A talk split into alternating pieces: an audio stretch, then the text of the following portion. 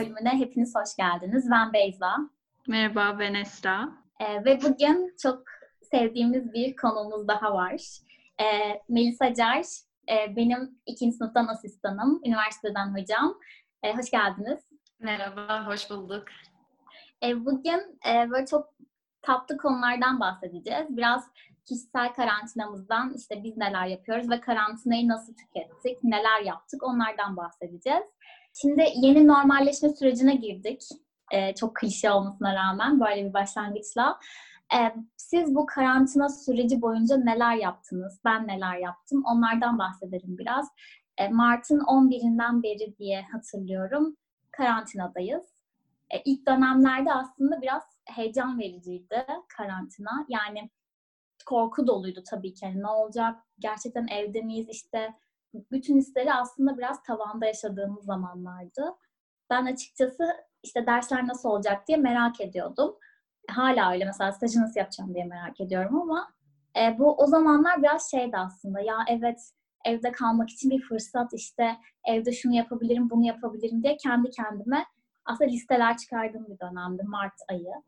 Daha sonra işte projeler, stüdyolar, ödevler ve hani yeni bir e, sistemde çalıştığı için üniversite mecburen e, biraz daha yoğun olmaya başladı ve aslında ben karantina dönemini biraz e, farklı yaşamaya başladım. Sizin nasıl geçti bu dönem?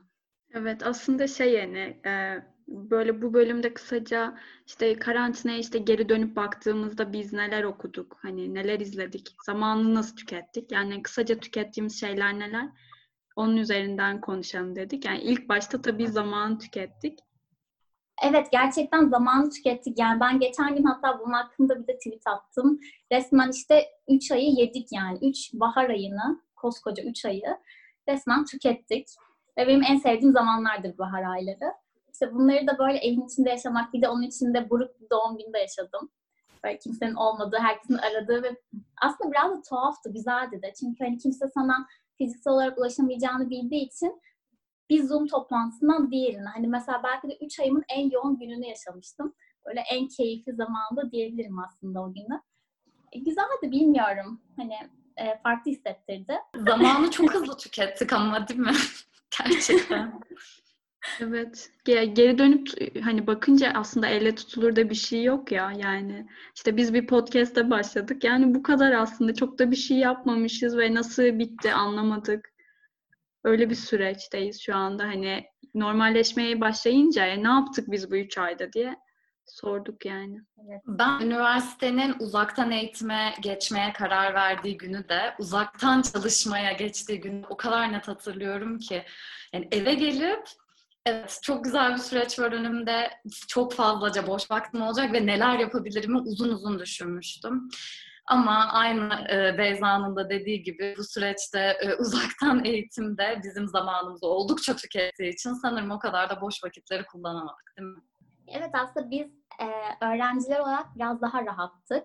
Çünkü hani sonuçta e, bu planlama, programlanma en başına üniversiteden gelen bir şeydi ve daha sonra hocam siz çok yoğun bir şekilde hani nasıl değerlendireceğiz çocukları? Baştan syllabus yazmak zorunda kaldınız işte e, en adil nasıl davranabiliriz çocuklara muhtemel bunları düşündünüz. Aslında sizin için bu süreç daha da zordu. Çünkü biz bir noktada artık hani şey mesela bir Esra'yla konuşurken de şöyle diyorduk.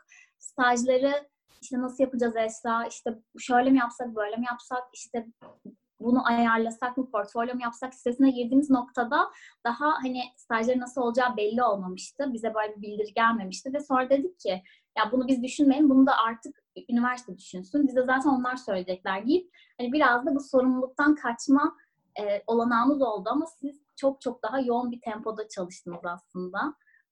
Bu noktada bizim daha çok zamanımız vardı belli bir süreye kadar.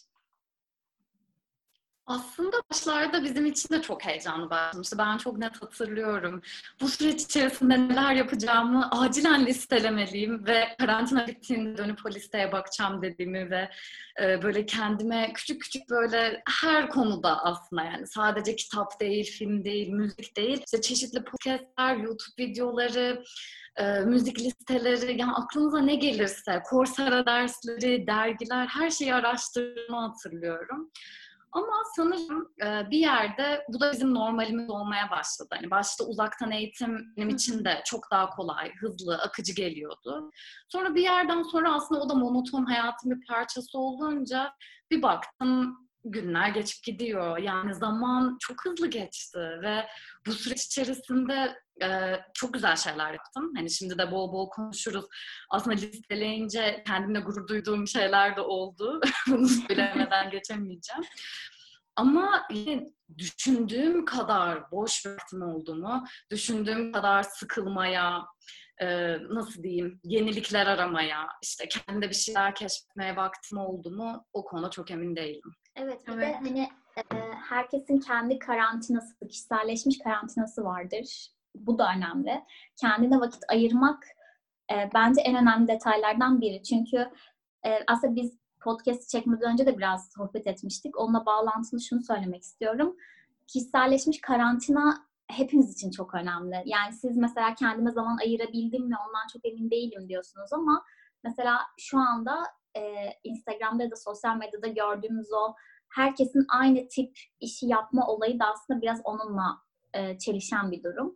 Aslında karantina sürecinde ben biraz verim kavramının eski anlamlarını da tükettiğimizi düşünüyorum. Çünkü e, verim olarak adlandırdığımız şey e, bu karantina sürecinde sosyal medyada bizlere sanki kolektif e, bir oluşum, herkesin aynı şey yapmasından oluşan ve herkesin aynı fikirde olduğunu düşündürten bir sanki kavram sunuldu. Ama çok da öyle değil. Yani bence bu fikri e, kesinlikle kenara bırakmamız gerekiyor. E, herkesin e, kendine göre bir verim anlayışı olmalı aslında. Herkes e, kendine farklı anlamlarda zaman ayırıyor ve bunu hiçbir şekilde de sosyal medyada o bize diretilen kalıplara sokmamıza gerek yok. Yani eminim konuşunca bence bunu daha da iyi anlayacağız. mesela benim için e, bu karantinanın en verimli yanı kitap okumaktı. Çünkü kitap okumayı gerçekten çok seviyorum ve e, bana kendimi iyi hissettiren, e, aslında beni motive eden şey kitap okumak ve o yüzden ben en çok e, vaktimi kitap okumaya ayırdım. E, siz neler yaptınız mesela? Şey ben de e, ya kitap okumayı denedim ama işte bir türlü kafamı toplayamadığım için ya aslında çok da böyle iki, iki tane, üç tane işte başlayıp yarım bıraktığım kitap var. Ama daha çok ben işte film izleyerek bu süreci geçirdim. İşte Mubi'nin de o etkisi. İşte Mubi'de Türkiye sinemasında yeni yeni işte izleyeyim oradan işte Özcan Alper'in filmlerini bitireyim, Pelin Esmer'i izleyeyim, Reha Erdem yeni gelmiş. Onu izleyeyim. Öyle geçti. İşte biraz daha böyle e, listelere odaklanıp işte Bandmake'den e, sinema listelerine bakıp işte şu filmi izleyeyim, bu filmi izleyeyim diye geçen bir süreydi benim için de yani e, okul harici. Benim için de e, aslında ben de Esra gibi çok fazla kitap okuyamadım. Ama aslında biraz da tercihen okumadım. Yani tabii ki e, kendi kafamı boşaltmak için okuduğum çok zamanlar oldu ama e, şöyle ben de odaklanamadığım için bir romanı bitirmektense, gerçi bir tanesini bitirdim, Yakup Kadri'nin Ankara romanını bitirdim ama e, daha çok böyle ileride ne yapmak istediğimi keşfetmek istediğim için ve bu dönemde de çok fazla canlı yayınlar, çok fazla yayın yani hem canlı hem e, yazılı yayınlar yayınlandığı için aslında biraz onları takip etmeye çalıştım. İşte Cengiz Bektaş'ın Türk Evi'ni okudum. İşte altını çizerek okudum. İşte bu bir roman gibi değildi benim için. İnceledim. Çok benim için verimli geçen bir e, süreçti bu noktada. Onun dışında restorasyonla alakalı bir şeyler karıştırdım. İşte asıl şu son bir ayda sürekli belgesel açıyorum. Yani YouTube'da kısa kısa belgeseller oluyor. Daha çok onlarla ilgileniyorum. Çünkü dizi izleyemiyorum aslında pek fazla. Ee, yeni keşfettiğim şeylerden biri de işte YouTube'da e, tarih ve mimarlık üzerine podcastlerin aslında yayınlanıyor olmasıydı. Yani görselle görmek tabii ki daha iyi oluyor ama e, o podcastler de çok dolu dolu podcastlermiş aslında. E, işte denizin e, ötesindeki sesleri dinliyorum e, bu konuda. Bazen işte TRT2'nin e, belgeselleri oluyor ya da Viasat izliyorum. Bilmiyorum benim için biraz şey böyle olabildiğince kısa tutulan ve bana bir şeyler katan şeyleri izleyip tükettiğim bir dönem oldu aslında. Bence herkesin kendini iyi hissettiği alan da farklı. Yani burada e, kitap okuyan çok daha kültürlüdür, işte kitap okuyan çok daha havalıdır ya da ben işte sanat filmlerine kendimi veriyorum. Yani asla böyle yarışların da ben özellikle de e, kişisel bazda baktığımızda faydalı olduğuna inanmıyorum. Yani gerçekten insan kendini ne yaparken iyi hissediyorsa onu yapmalı ve bu karantina sürecinde de ben birazcık buna odaklanmaya çalıştım.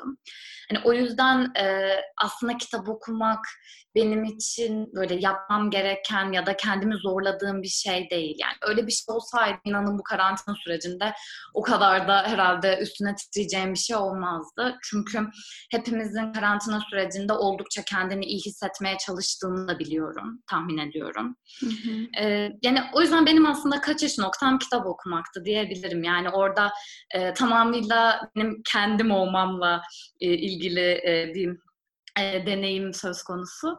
Ama hani neler okudunuz derseniz de öyle o kadar da e, nasıl diyeyim edebiyat e, da çığır, çığır açmış işte klasik serilerine daldığımı söyleyemeyeceğim. Genelde eğlenceli ya da sürükleyici romanlar okudum.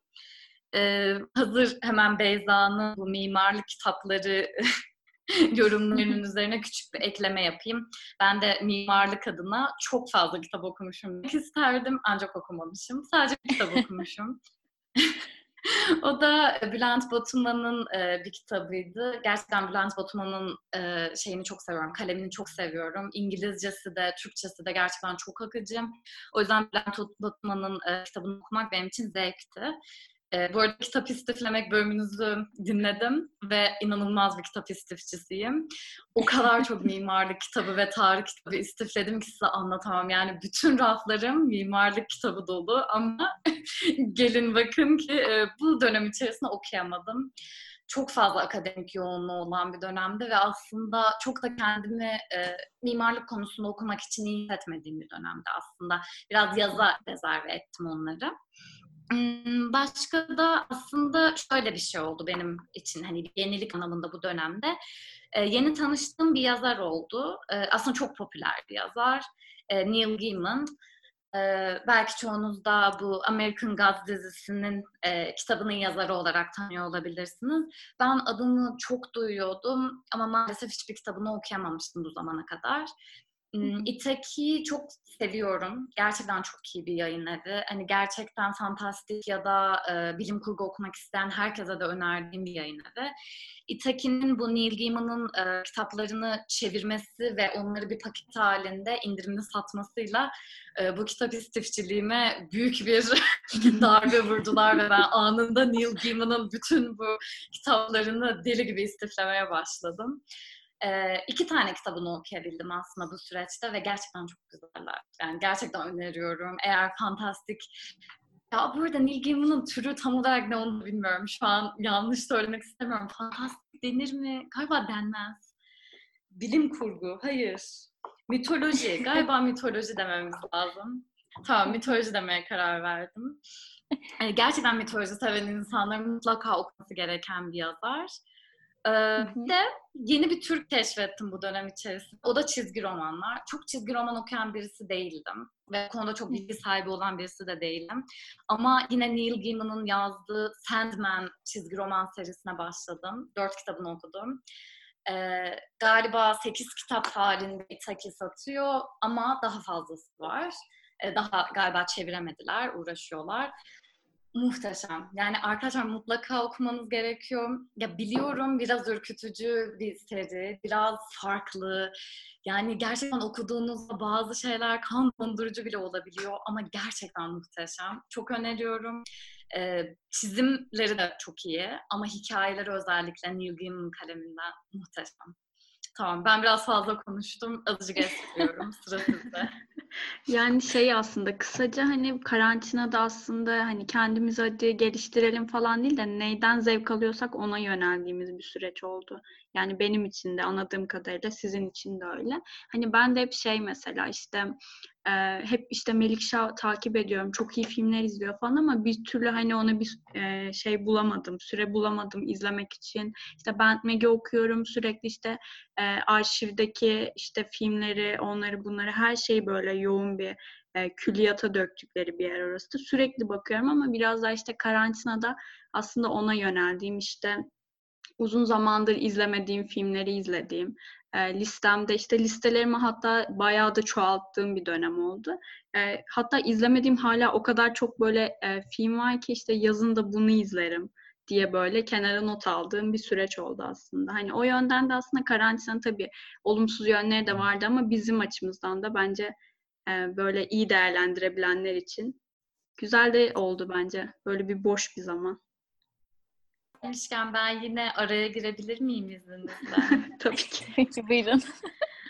Yani Melikşah deyince aslında ben her türlü üretime çok e, heyecanlı bakıyorum. Yani hani her çok farklı ortamlar var biliyoruz hepimiz. Hani işte kitap basılı bir mecra ama işte Instagram gibi, Twitter gibi sosyal medyalarda aslında hayatımızın çok büyük bir parçası ve onlar da dijital mecranın aslında öncüleri. Ve e, bu dönemin aslında belki de en tatlı, eğlenceli getirilerinden biri de e, canlı yayınlar oldu. Instagram canlı yayınları. Ve Melik Şah'la e, Bartu Küçük Çağlayan'ın e, yaptığı Mücbir Sebepler programına sanırım hepimiz bayağı bağlandık Evet. ve aslında gecelerimizi de neşelendirdi diyebilir miyiz? evet ya. Evet, evet. Ona göre planlar olduk aslında. Yani biz mesela Esra ile Zoom'dayken bile konuşurken ya da işte e, bir proje üzerine çalışıyoruz beraber. Onda bile hani ya yalnız mücbir başlıyor deyip şeyden ayrıldığımız oldu Zoom toplantılarından. O yüzden hani yani şey oldu mesela e, o bizim o günkü programımızla dengeler oldu ve gecelerimiz de aslında daha tatlı olmaya başladı. Belki de hani böyle günün yorgunluğunu da izleyerek attık. Ben çok keyif aldım açıkçası o mücbir sebepleri izlerken. Aslında gerçekten çok farklı mecralarda üretimler olduğunu görüyoruz ve canlı yayın yani Instagram canlı yayınlarına sanırım çok alışık değildik. Yani ben çok sık rastlamıyordum. Ara ara bazı e, sanatçılar ya da hani böyle küçük e, nasıl diyeyim röportaj tarzı canlı yayınları görüyordum. Böyle eğlence programına dönüşen bir canlı yayına ilk defa şahit oluyoruz ve ben aslında bunu sevdim. Yani burada da şeyi düşündürttü bana. Gerçekten televizyon galiba ölmek üzere. Yani Melikşah da hep Evet. söylüyor ya. Niye Evet. televizyona geçelim? Ölüyor zaten diye. Gerçekten öyle. Yani demek ki televizyon üretimlerinde çok ciddi bir tıkanma var veya Hı hı. insanlar da artık izlemek istemiyor. İkisinden biri. Yani kitlede de bir kayma var. Ve aslında biz e, yani çok da tanımadığımız ünlülerin doğal halleriyle e, belki bazen küçük saçmalamalarıyla yaptıkları canlı yayınlardan daha çok zevk almaya başladık. Evet evet. Evet, bir de şey de şey de güzel oldu mesela. Hani asla mesela açıp da işte izleyemi izlemeyeceğim Instagram'ına girip de bakmayacağım insanları mücbirde mesela görüp böyle ya bu da aslında sempatik biriymiş falan. Hani o şeyi de verdi bence mücbir bize. İşte Kuşum Aydın. Hani asla açıp da bakmazdım ama şu an ne kadar tatlı bir adam işte Kuşum Bey falan diye böyle yükselmeleri Bartu'nun falan aşırı da hoşuma gitti yani o yönden de bence mücbir güzel de oldu. Yani e, farklı bir ya insanları da tanımamıza neden oldu. İşte İrem Derici e, hepimiz böyle bir ya gerek var mı gerçekten? İşte ben ilk girdiğinde de şey dedim. E, gerek var mıydı gerçekten İrem Derici'ye ama E, aslında bu biraz da gayet de senaryosuz olmakla alakalı. Yani biz galiba biraz televizyondaki o tek tip e, senaryolardan ve hani tahmin edebileceğimiz süreçlerden sıkıldık. Yani bu bir yarışma programında da aynı şekilde ya da atıyorum zaten Türk dizilerinde de aynı şekilde bu yabancı dizilerde de oluyor tabii ki sadece Türk nezdinde değil ama bu senaryosuz olmak ve işte samimi olma olayı mücbirde biraz bizi çeken şeydi bence. Ve kendi adıma o hani şu anda biz bunu yaşıyor muyuz ya ifadesi böyle bir gerçekten şu an bu oluyor mu diye her seferinde düşünüyordum. Özellikle bazı bölümleri çok tuhaftı gerçekten. İşte İrem Derici'nin dediğin gibi o ilk bağlandığı zamanlarda işte bu, bu kadın böyleymiş yani bu şey oluyorsunuz hani keşke benim de arkadaşım olsaydı dediğiniz noktalar oluyor çünkü e, ben bununla da iyi anlaşılmışım, bu da böyle bir insanmış falan filan. İnsanları tanımak da güzel. Yani uzaktan uzağa da olsa hiç dokunamayacağımız insanlara dokunduk aslında. Ya da onlar bize dokundu daha doğru olur. Ee, öyle bence Mücbir'de bizi çeken şey buydu. Ve onları farklı yapan şey de buydu. Çünkü her canlı yayında bu kadar samimi olmuyor. Ee, öyle. Ben de böyle düşünüyorum. Evet. E, tüm bunların ötesinde de şöyle bir soru soracağım size. Karantina bizde ne tüketti? Ne düşünüyorsunuz bu konuda? Yani aslında karantina sürecini e, başlarda bence birazcık yanlış anladık. Herkes bunun e, bir verim ve üretim e, yarışı olduğu hissine kapıldı. Ama yani çok da aslında her şeyinin olumlu olduğunu söyleyemeyeceğimiz bir süreçti diye düşünüyorum. Ee, benim için şöyle bir olumsuz tarafı oldu ama yani aslında olumsuzdan olumluyu da çıkartabiliriz. Ben birazcık bu süreçte e, insanları e, daha yakından tanıdığımı düşünüyorum. E, kriz anları aslında insanların e, birazcık da gerçek yüzlerini ve ne kadar e, empati yeteneklerinin olduğunu gösteren bir süreç oluyor.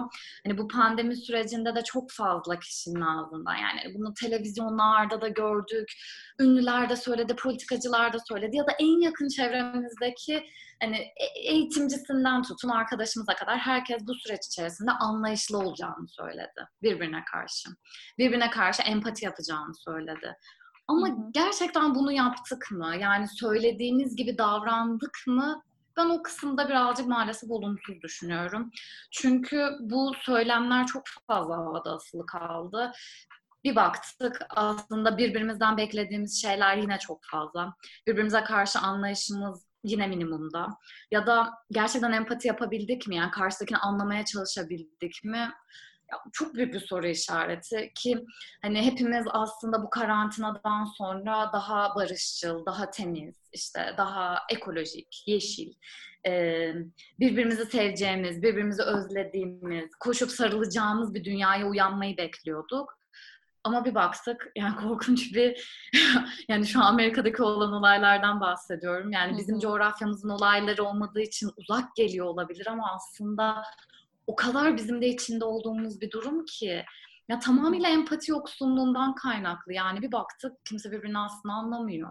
Herkes birbirinin karşısında. Hani yanındaydık birbirimizin. Hani birbirimizle e, kol kola anlayışlı bir şekilde bu süreci atlatacaktık. Pek de öyle olmadı.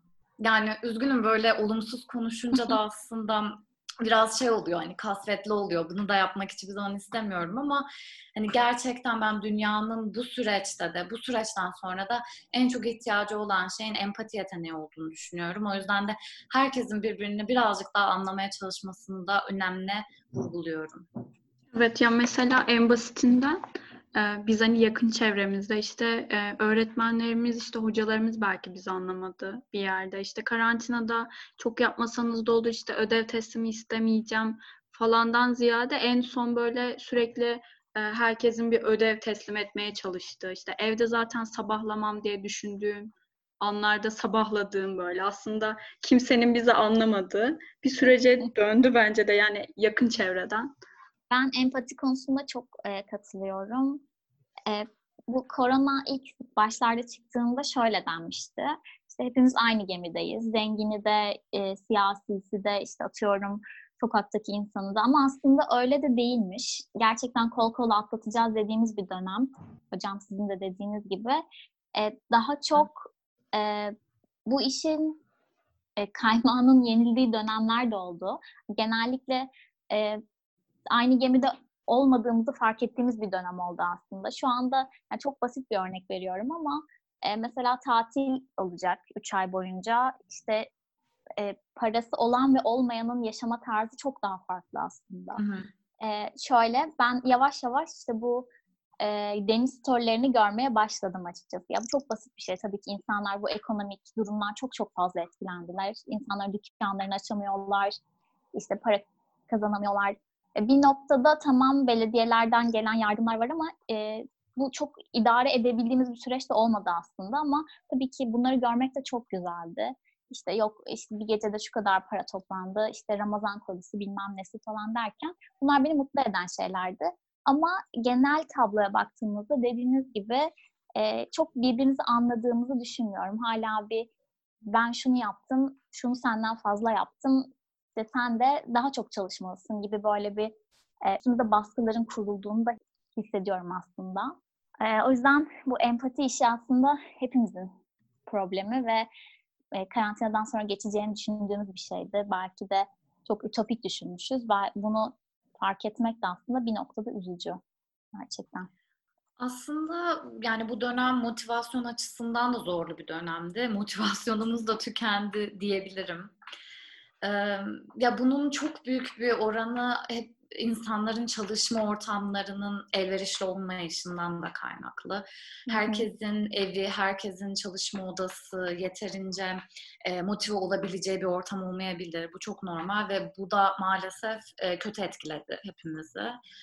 Ee, ama işte birazcık daha hani bu noktada herkes birbirine destek olsaydı ve birazcık daha anlayış gösterilseydi belki o moralle motivasyon sağlanabilirdi. İşte o noktada hani böyle biraz motivasyonun kaybolunca, ayağın tökezlemeye başlayınca aslında yanındaki insanların da seni yerden kaldırmak yerine kendin kalk yani bu benim problemim değil ben de bir sürü şey yaşıyorum dediğini görmek benim için çok üzücüydü. Ama ya belki de hani bu da yani bilmiyorum insanların doğası anlamında demiyorum. Ben insanların kesinlikle e, doğasının da değişebileceğine inan- inanıyorum. Hani hiçbir şey böyle doğuştan gelen zorunlu bir karakter özelliği değildir. Ancak hani bu dönemde birazcık fazla içimize döndüğümüz için, fazla izole olduğumuz için bencilleşmiş olabileceğimizi hissediyorum. Belki hani geçicidir, belki birazcık daha iyi olur gelecek dönemlerde. Ama özellikle de şu an final dönemine girerken bu motivasyon işini nasıl çözeceğiz bilmiyorum. Yani nasıl tükenen motivasyonlarımız geri gelecek? Bana bir bana lütfen önerilerinizi söyleyin. Çünkü bende de aynı problem var. Aa, bak yaptık. E, ben kendi adıma şöyle bir şey diyebilirim. E, motive olmak için evin içinde sürekli yer değiştiriyorum aslında çalışırken. E, farklı farklı programlar izleyip işte 40'ar dakika o bahsettiğim belgesel serileri. Onu izledikten sonra kendime işte bir e, düzen oturtmaya çalışıyorum. Sonra bununla başlayacağım deyip kendi adıma bir şeyler yapmaya çalışıyorum. Ama aslında size de çok yardımcı olamam. Çünkü ben e, grupla çalıştığım için stüdyoyla üstümde zaten başkalarının sorumluluğu da var. O yüzden hani tek başıma motive olmasam da çalışmak zorundayım. O yüzden motivasyonsuz bir şekilde de çalıştığım çok oluyor. Belki Efrat da yardımcı olabilir çünkü siz daha benzer şeyler yaşıyorsunuz. Ya aslında şöyle hani ben de hani sen dedin ya aralar veriyorum ve işte 40 dakika bir şey izliyorum diye. İşte benim o ara hiç bitmiyor ve işte bir sezon dizi bitirdiğim falan oluyor. Mesela bu hafta öyleydi ve işte toparlayamadım. Belki biraz işte stüdyom stüdyonun rahatlığı işte. Biraz daha ilerideyim işte hallederim ya dört günde de. Hani son günde her şeyi hallederim zaten diye. Bu düşünce geldiği için ben de çok böyle motive olamadım. Şu an böyle kendime hani teslimler geliyor. Hadi Esra çalışman lazım diye motive edip. Hem de ya iki hafta kaldı. İki hafta sonra zaten rahat edeceğim. Hayal ettiğim hayata kavuşacağım falan diye düşündüğüm için öyle kendimi motive etmeye çalışıyorum şu ara. Doğru. Aslında en büyük motivasyon her zaman teslim tarihidir. Özellikle de mimarlık öğrencileri için bu vazgeçilmez bir mottodur. Ama yani bu dönemde mesela ben kendimde şöyle bir şey gözlemledim. Umarım geçicidir. Ama yazı yazma yeteneğini tüketmiş olabileceğimden korkuyorum. Hani gerçekten böyle bir bilgisayar başına oturup bir yazıyı yazıya başlamak ve yazıyı bitirmek benim için çok zorlaştı ki ben normalde yazı yazmayı seven biriyim. Bunun nedeni tam olarak bilmiyorum ama bilmiyorum siz aynı şeyi hissettiniz mi? Ya da benzer şeyler de olmuş olabilir bu arada. Yani çünkü aslında şöyle küçük bir araya girmem gerekirse e, ben doktora öğrencisiyim ve derslerimiz çok fazla yazı yazma üzerine kurulu doğal olarak. Ama sizler lisansta, mimarlıkta ve şehir bölge planlama bölümünde olduğunuz için sizlerin çok daha fazla çizmesi, üretmesi, yani daha farklı mecralarda çalışması bekleniyor büyük ihtimalle. O yüzden belki dersleriniz benimkinden birazcık daha farklı olabilir. Bende de şöyle bir süreç oldu. Hani geçen yıl işte e, bizde hani stüdyoda genelde şey oluyor işte birinci dönem genelde işte analizlerin yoğunluklu yapıldığı bir dönemken ikinci dönem daha tasarım odaklı. Ya biz hani e, stüdyoca şöyle bir şeye girdik ya artık hala analiz yapmaya ve tasarım yapmamaya başladık. Ya ben de mesela hani tasarım yapmayı da çok seviyorum ama artık böyle ben de ya tasarım yapamıyor muyum ben acaba hani kendim tasarımcı olacağım diye düşünürken acaba ben tasarımcı olmayacağım mı falan diye ben de öyle bir şeye girdim. Yani sizin yazı şeyi gibi ya ben tasarımcı değil miyim acaba'ya girdim. Ama o da işte e, şu an işte kendimi motive edemememden kaynaklanıyor olabilir. Odaklanmak istemiyorum. İşte müzik açıyorum. Sonra müziği söylerken buluyorum ama şey, hiç tasarım yapmıyorum. İşte o süreçle de alakalı bir şey herhalde. Çok bilmiyorum ama. Evet, motivasyon kaybetmek gerçekten e, kendi verimliliğimizi de düşüren bir durum oluyor. E, ama bence bu dönemi hepimiz güzel atlatmışız. Yani e, şöyle düşününce burada bir sürü öneride bulunduk. Hocam siz aslında bayağı güzel önerilerde bulundunuz. Biz yazın aslında bunları yapabiliriz, okuyabiliriz. E, zevklerimizden bahsettik. Belki hani bunu dinleyenler arasında da evet ya bunu ben de yapabilirim ya da işte e, Esen Movie'den bahsetti. Movie'de izlediği filmlerden. E, çok güzel öneriler oldu dediğim gibi. İşte zevklerimizden bahsettik ve insanlara da bunu dinleyen dinleyicilerimize de aslında biraz bir noktada yardımcı olmuş olduğumuzu düşünüyorum. Umarım öyle olur. Ee, mesela biz de bu süreçte Esra ile podcast çektik ve bizim için çok olumlu bir şeydi. Ee, aslında bu noktada insanlara da dokunmaya başladık. Hani bunun sonunda da e, önerdiğimiz şeylerden de insanlar aslında bir şeyler alabilirler diye düşündük. E, bu sayede hocam sizinle de podcast çekme şansımız oldu aslında. Bu da hiçbir zaman düşünebileceğim bir şey değildi aslında. Ee, siz ne düşünüyorsunuz bu konuda? Belki ondan sizin hikayenizi alabilirim biraz. Benim için çok yeni bir tecrübe. Aslında çok da heyecanlandığım bir şey oldu. Hani umarım e, güzel bir e, podcast'e evrilir bu.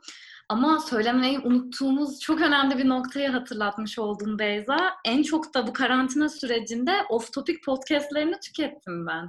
Bütün bölümlerinizi dinliyorum. Sıkı takipçinizim. Teşekkür ederim. Ve bu arada e, sizin podcastlerinizi dinlerken sürekli arka planda sizinle sohbet ediyorum aslında kafamda.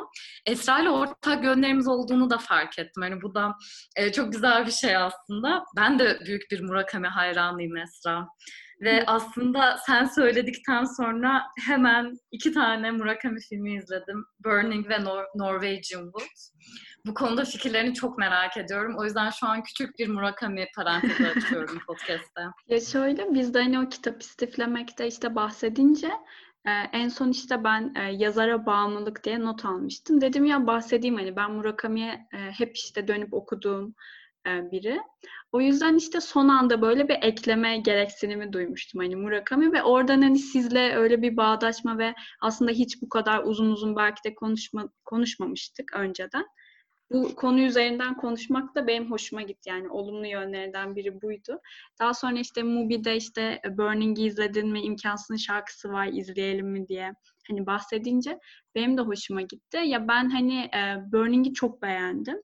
Hatta böyle şeylerini falan işte yorumlarını okuyorum e, ya da Kutsal Motor'dan işte izledim ve böyle aslında benim hani yakalayamadığım noktalar da vardı ve bence çok böyle hani e, çok iyiydi Burning. Gerçekten çok güzeldi. Çekimleri de anlatmak istediği şey de ama imkansızın şarkısı öyle değildi yani şey e, kitap çok daha iyiydi. Yani benim hayalimdeki şey yansımamıştı bence filme. Çünkü işte çok hızlı böyle geçişler oluyor. İşte biz kitapta onu çok e, uzun uzun okurken ve detaylı öğrenirken aslında çok da filmde karakterin hayatına da çok bence dahil olamadık. Bilmiyorum siz ne düşünüyorsunuz? Bence Murakami e, gerçekten değişik bir yazar. Yani çok da aslında klasik edebiyat yazarlarından e, sayamayacağımız bir isim.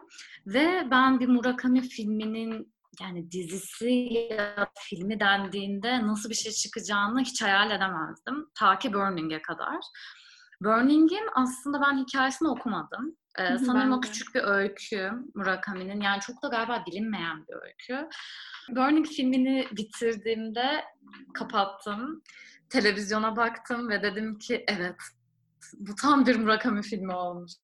Gerçekten olmuş. Çünkü o kitabı da okuduğunuzda yani Murakami kitaplarının birçoğunda bu ortak özelliktir. İnsanın içinde bıraktığı e şimdi ne oldu? Nasıl yani? Bunun sonu yok ee, ya da işte bu karakter niye vardı gibi bütün soru işaretlerini film sağlıyor. Bir kere bence sinematografisi gerçekten çok iyi. Hani bu konuda uzman değilim, çok film izleyen biri değilim ama görüntüler gerçekten çok başarılıydı. Ee, ışık kullanımı, bence karakterler yani her şey çok iyi yerine oturuyordu ve aslında insanda bırakılmak istenen o e, Murakami tadı da bence tam yerindeydi. Ama imkansızın şarkısı yani böyle sanki herhangi bir film gibi çekilmişti ve bence Murakami kitapları için asla olamayacak bir uyarlama. Yani kitaplardaki o gariplikler, anlamsızlıklar, böyle yani kafanızdaki soru işaretleriyle var olan bir şey Murakami. O yüzden hani o soru işaretlerini filmde bulmadığım noktada benim için çok sadece izlediğim herhangi bir film haline geldi. Büyük ihtimalle de yani bunu çok üzülerek söylüyorum ama imkansızın şarkısını bir yıl sonra o filmi unutacağım. Ama Burning'i unutamayacağımdan evet. çok eminim. Evet evet. Ya bir de mesela şey falan da düşündüm ben hani önceden romanını okuduğum için hani filme işte bu kimdi ya falan deyip aa evet bu buydu falan deyip hatırladım karakterleri. Ama şey mesela hiç e, kitabını okumasaydım çok takip edemezdim herhalde diye düşünüyorum. O yüzden ben de yani imkansızın şarkısını çok böyle beğenmedim ama Burning'in hani hep ya hani Türkçe çevirisi de şüphe ya. Hep böyle işte kızın kedisi var mı, yok mu?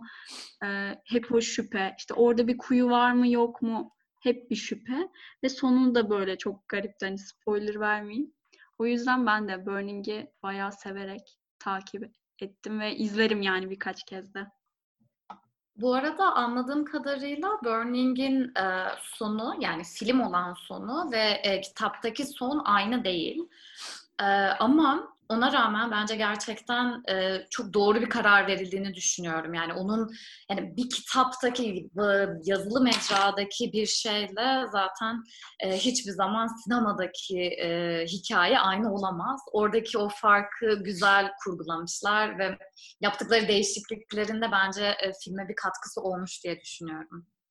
Bu kadar filmden konuşmuşken aslında biraz da Esra'nın e, film arşivine girmek istiyorum. Çünkü Esra belli bir süredir ben, biz ne zaman konuşsak şunu izledim, bunu izledim diyordu bana ve tahmin ettiğim üzere bayağı bir filmi var. Bize önermek istediğin, hani bu kadar güzel önerili geçen bir podcast olmuşken bunu da araya iliştirelim diyorum. Bize önermek istediğin bir şey var mı? Evet şey e, aslında o kadar çok var ki şimdi hangisini önereyim bilemedim ama işte Movie'den e, Movie'den dediğim gibi işte şeye başladım. E, Türkiye sinemasını. Biraz da aslında hani hep bildiğimiz şeyler değil o bağımsız Türk sinemacılarını da e, izledim Mubi'den ve orada mesela e, Pelin Esmer'in işe yarar bir şey.